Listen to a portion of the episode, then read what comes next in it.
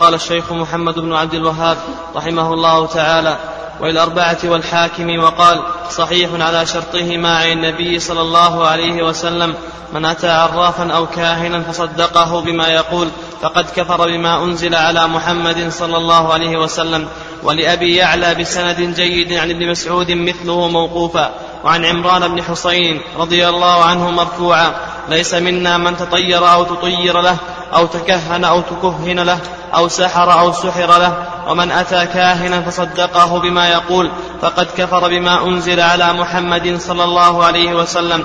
رواه البزار بإسناد جيد ورواه الطبراني بإسناد حسن من حديث ابن عباس دون قوله ومن أتى إلى آخره. قال البغوي العراف الذي يدعي معرفة الأمور بمقدمات يستدل بها على المسروق ومكان الضالة ونحو ذلك وقيل هو الكاهن والكاهن هو الذي يخبر عن المغيبات في المستقبل وقيل الذي يخبر عما في الضمير. وقال أبو العباس بن تيمية العراف اسم للكاهن والمنجم والرمال ونحوهم ممن يتكلم في معرفة الأمور بهذه الطرق. وقال ابن عباس في قوم يكتبون أبا جاد وينظرون في النجوم ما أرى من فعل ذلك له عند الله من خلق. بسم الله الرحمن الرحيم. الحمد لله رب العالمين والصلاة والسلام على نبينا محمد وعلى آله وصحبه أجمعين. تقدم لنا قول النبي صلى الله عليه وسلم في حديث أبي هريرة من أتى كاهنا فصدقه بما يقول فقد كفر بما أنزل على محمد. والذي أنزل على محمد هو القرآن. وفيه نعم. فيه دليل على علو الله عز وجل. قال وللأربعة والحاكم وقال على شرطهما من أتى عرافا أو كاهنا فصدقه بما يقول فقد كفر بما أنزل محمد المهم الخلاصة. الخلاصة في إتيان السحرة والكهنة. نقول بأن هذا ينقسم إلى أقسام. القسم الأول أن يأتيهم ويسألهم ويصدقهم في الغيب المطلق. نعم أن يأتيهم ويسألهم ويصدقهم في الغيب المطلق. ها حكم هذا؟ ها؟ كفر أكبر. إذا سألهم وصدقهم في الغيب المطلق نقول بأن هذا كفر أكبر مخرج من الملة. لأن الغيب المطلق غيب لأن الغيب المطلق. غيب السماوات والأرض لا يعلمه إلا الله. قل لا يعلم ما في السماوات والأرض الغيب إلا الله. وما يشعرون أيان يبعثون. القسم الثاني أن يسألهم ويصدقهم في الغيب النسبي مع اعتقاد أن الشياطين لا تخبرهم ها؟ أن يسألهم ويصدقهم في الغيب النسبي مع اعتقاد أن الشياطين لا تخبرهم. ها حكم هذا. ها؟ كفر أكبر ولا أصغر؟ طيب وش المراد بالغيب النسبي؟ ها؟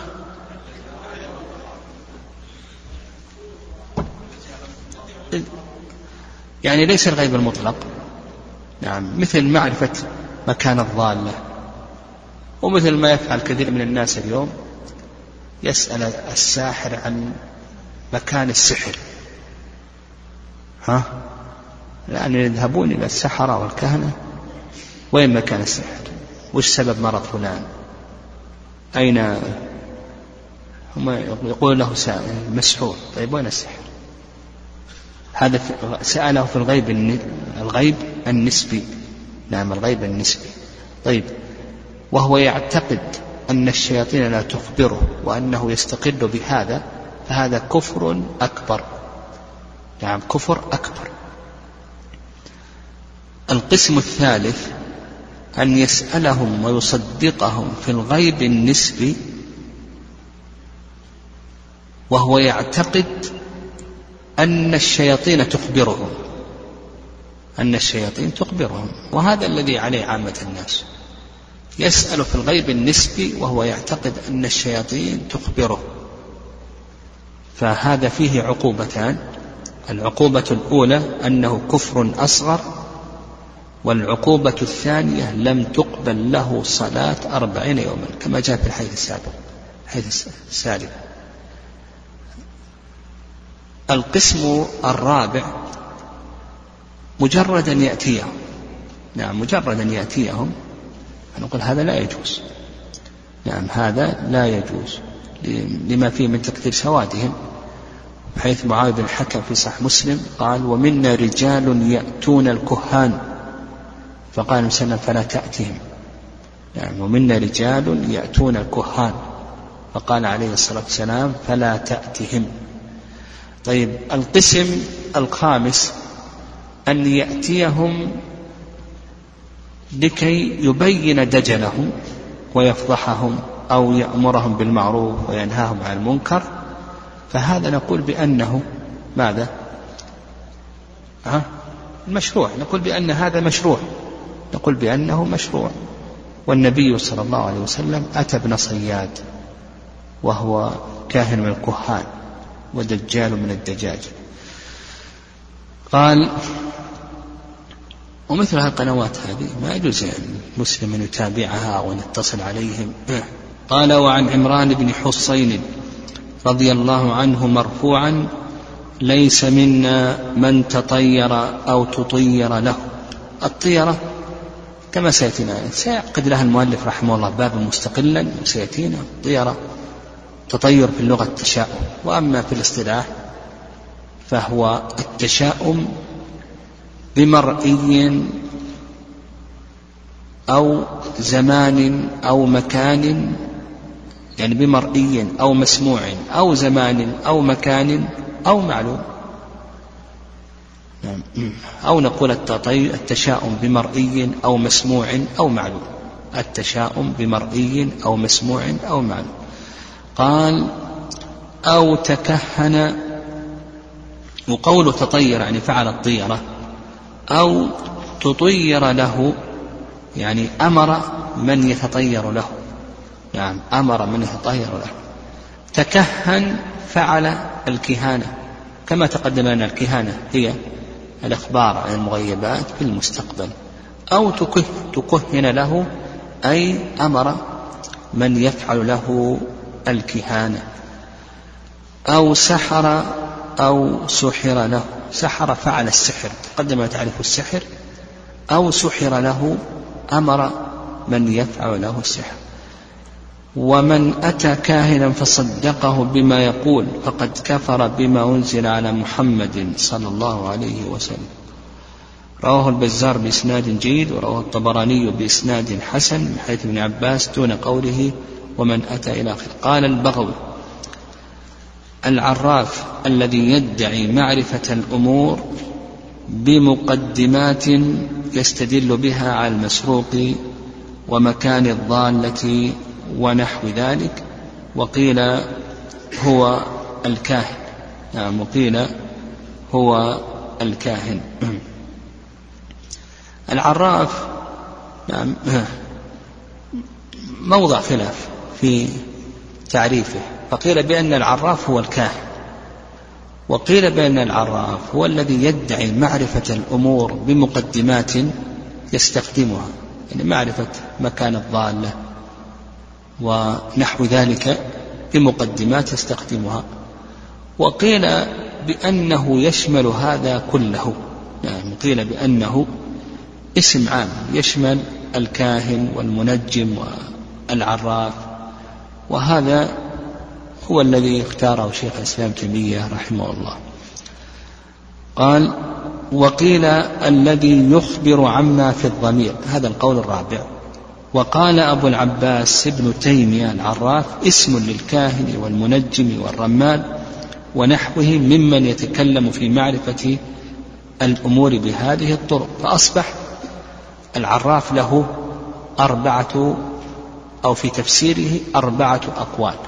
القول الأول أن المراد بالعراف الكاهن والقول الثاني الذي يدعي معرفة الأمور بمقدمات يستخدمها والقول الثالث الذي يخبر عما في الضمير والقول الرابع الذي اختاره الشيخ الإسلام تيمية رحمه الله أنه شامل وأنه اسم عام يشمل الكاهن ويشمل المنجم ويشمل الرمال ونحو ذلك.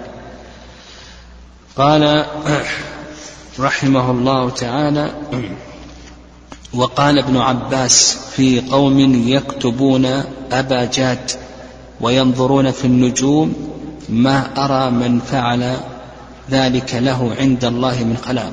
قوله أبجاد يعني يقطعون حروف أبجد هوس التي تسمى حروف الجمل. ويتعلمونها لادعاء علم الغيب. يعني يقطعون حروف أبجاد أبجد هوز التي تسمى حروف الجمل ويتعلمونها لادعاء علم الغيب. ولا شك أن ادعاء علم الغيب ادعاء خصيصة من خصائص الله عز وجل. نعم ادعاء خصيصة من خصائص الله عز وجل. والغيب هذا من خصائص الله. قل لا يعلم من في السماوات والأرض الغيب إلا الله. وينظرون في النجوم.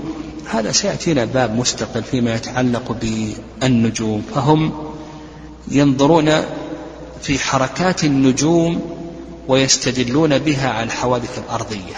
يعني يستدلون بحركات النجوم على الحوادث الأرضية.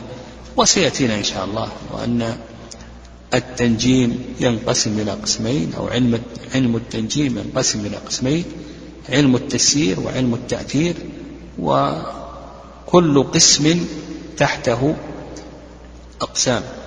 قال وينظرون في النجوم ما أرى من فعل له من فعل ذلك له عند الله من خلق. يعني ليس له نصيب.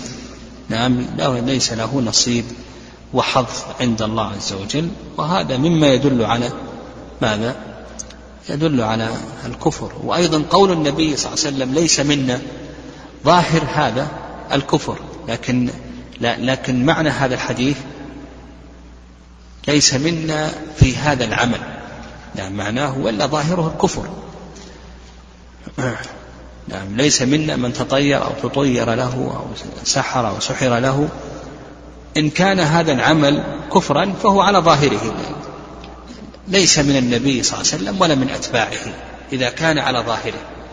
وإلا إذا كان عمله كفرا كإدعاء علم الغيب ونحو ذلك ها؟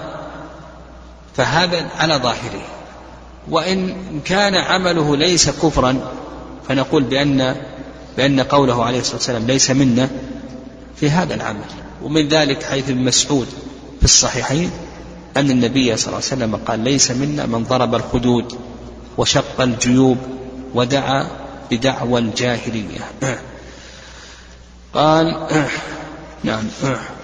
وفي هذا الحديث يعني الشاهد واضح من هذا الحديث تحريم اتيان الكهنة والسحرة وتقدم ما يتعلق بحكم إتيانهم وأيضا في هذا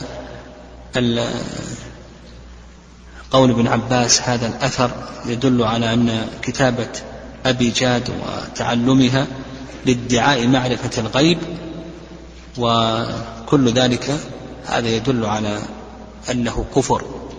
يعني يدل على أنه كفر لأن ادعاء معرفة الغيب هذا من خصائص الله عز وجل وأيضا النظر في النجوم لادعاء معرفة الغيب هذا كفر. ولهذا قال ما أرى من فعل ذلك له عند الله من خلاق. قال رحمه الله باب ما جاء في النشرة. نعم.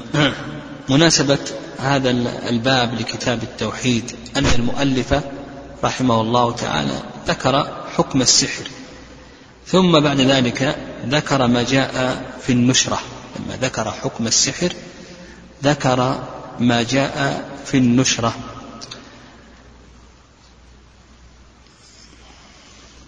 لأن النشرة قد تكون من قبل الشياطين. يعني النشرة قد تكون من قبل الشياطين فتكون مضادة للتوحيد. ومناسبة هذا الباب لما قبله واضح لأن المؤلف رحمه الله تعالى ذكر ما يتعلق بالسحر ثم ذكر ما يتعلق بإتيان الكهنة ثم ذكر ما يتعلق بالنشرة والنشرة هي حل السحر.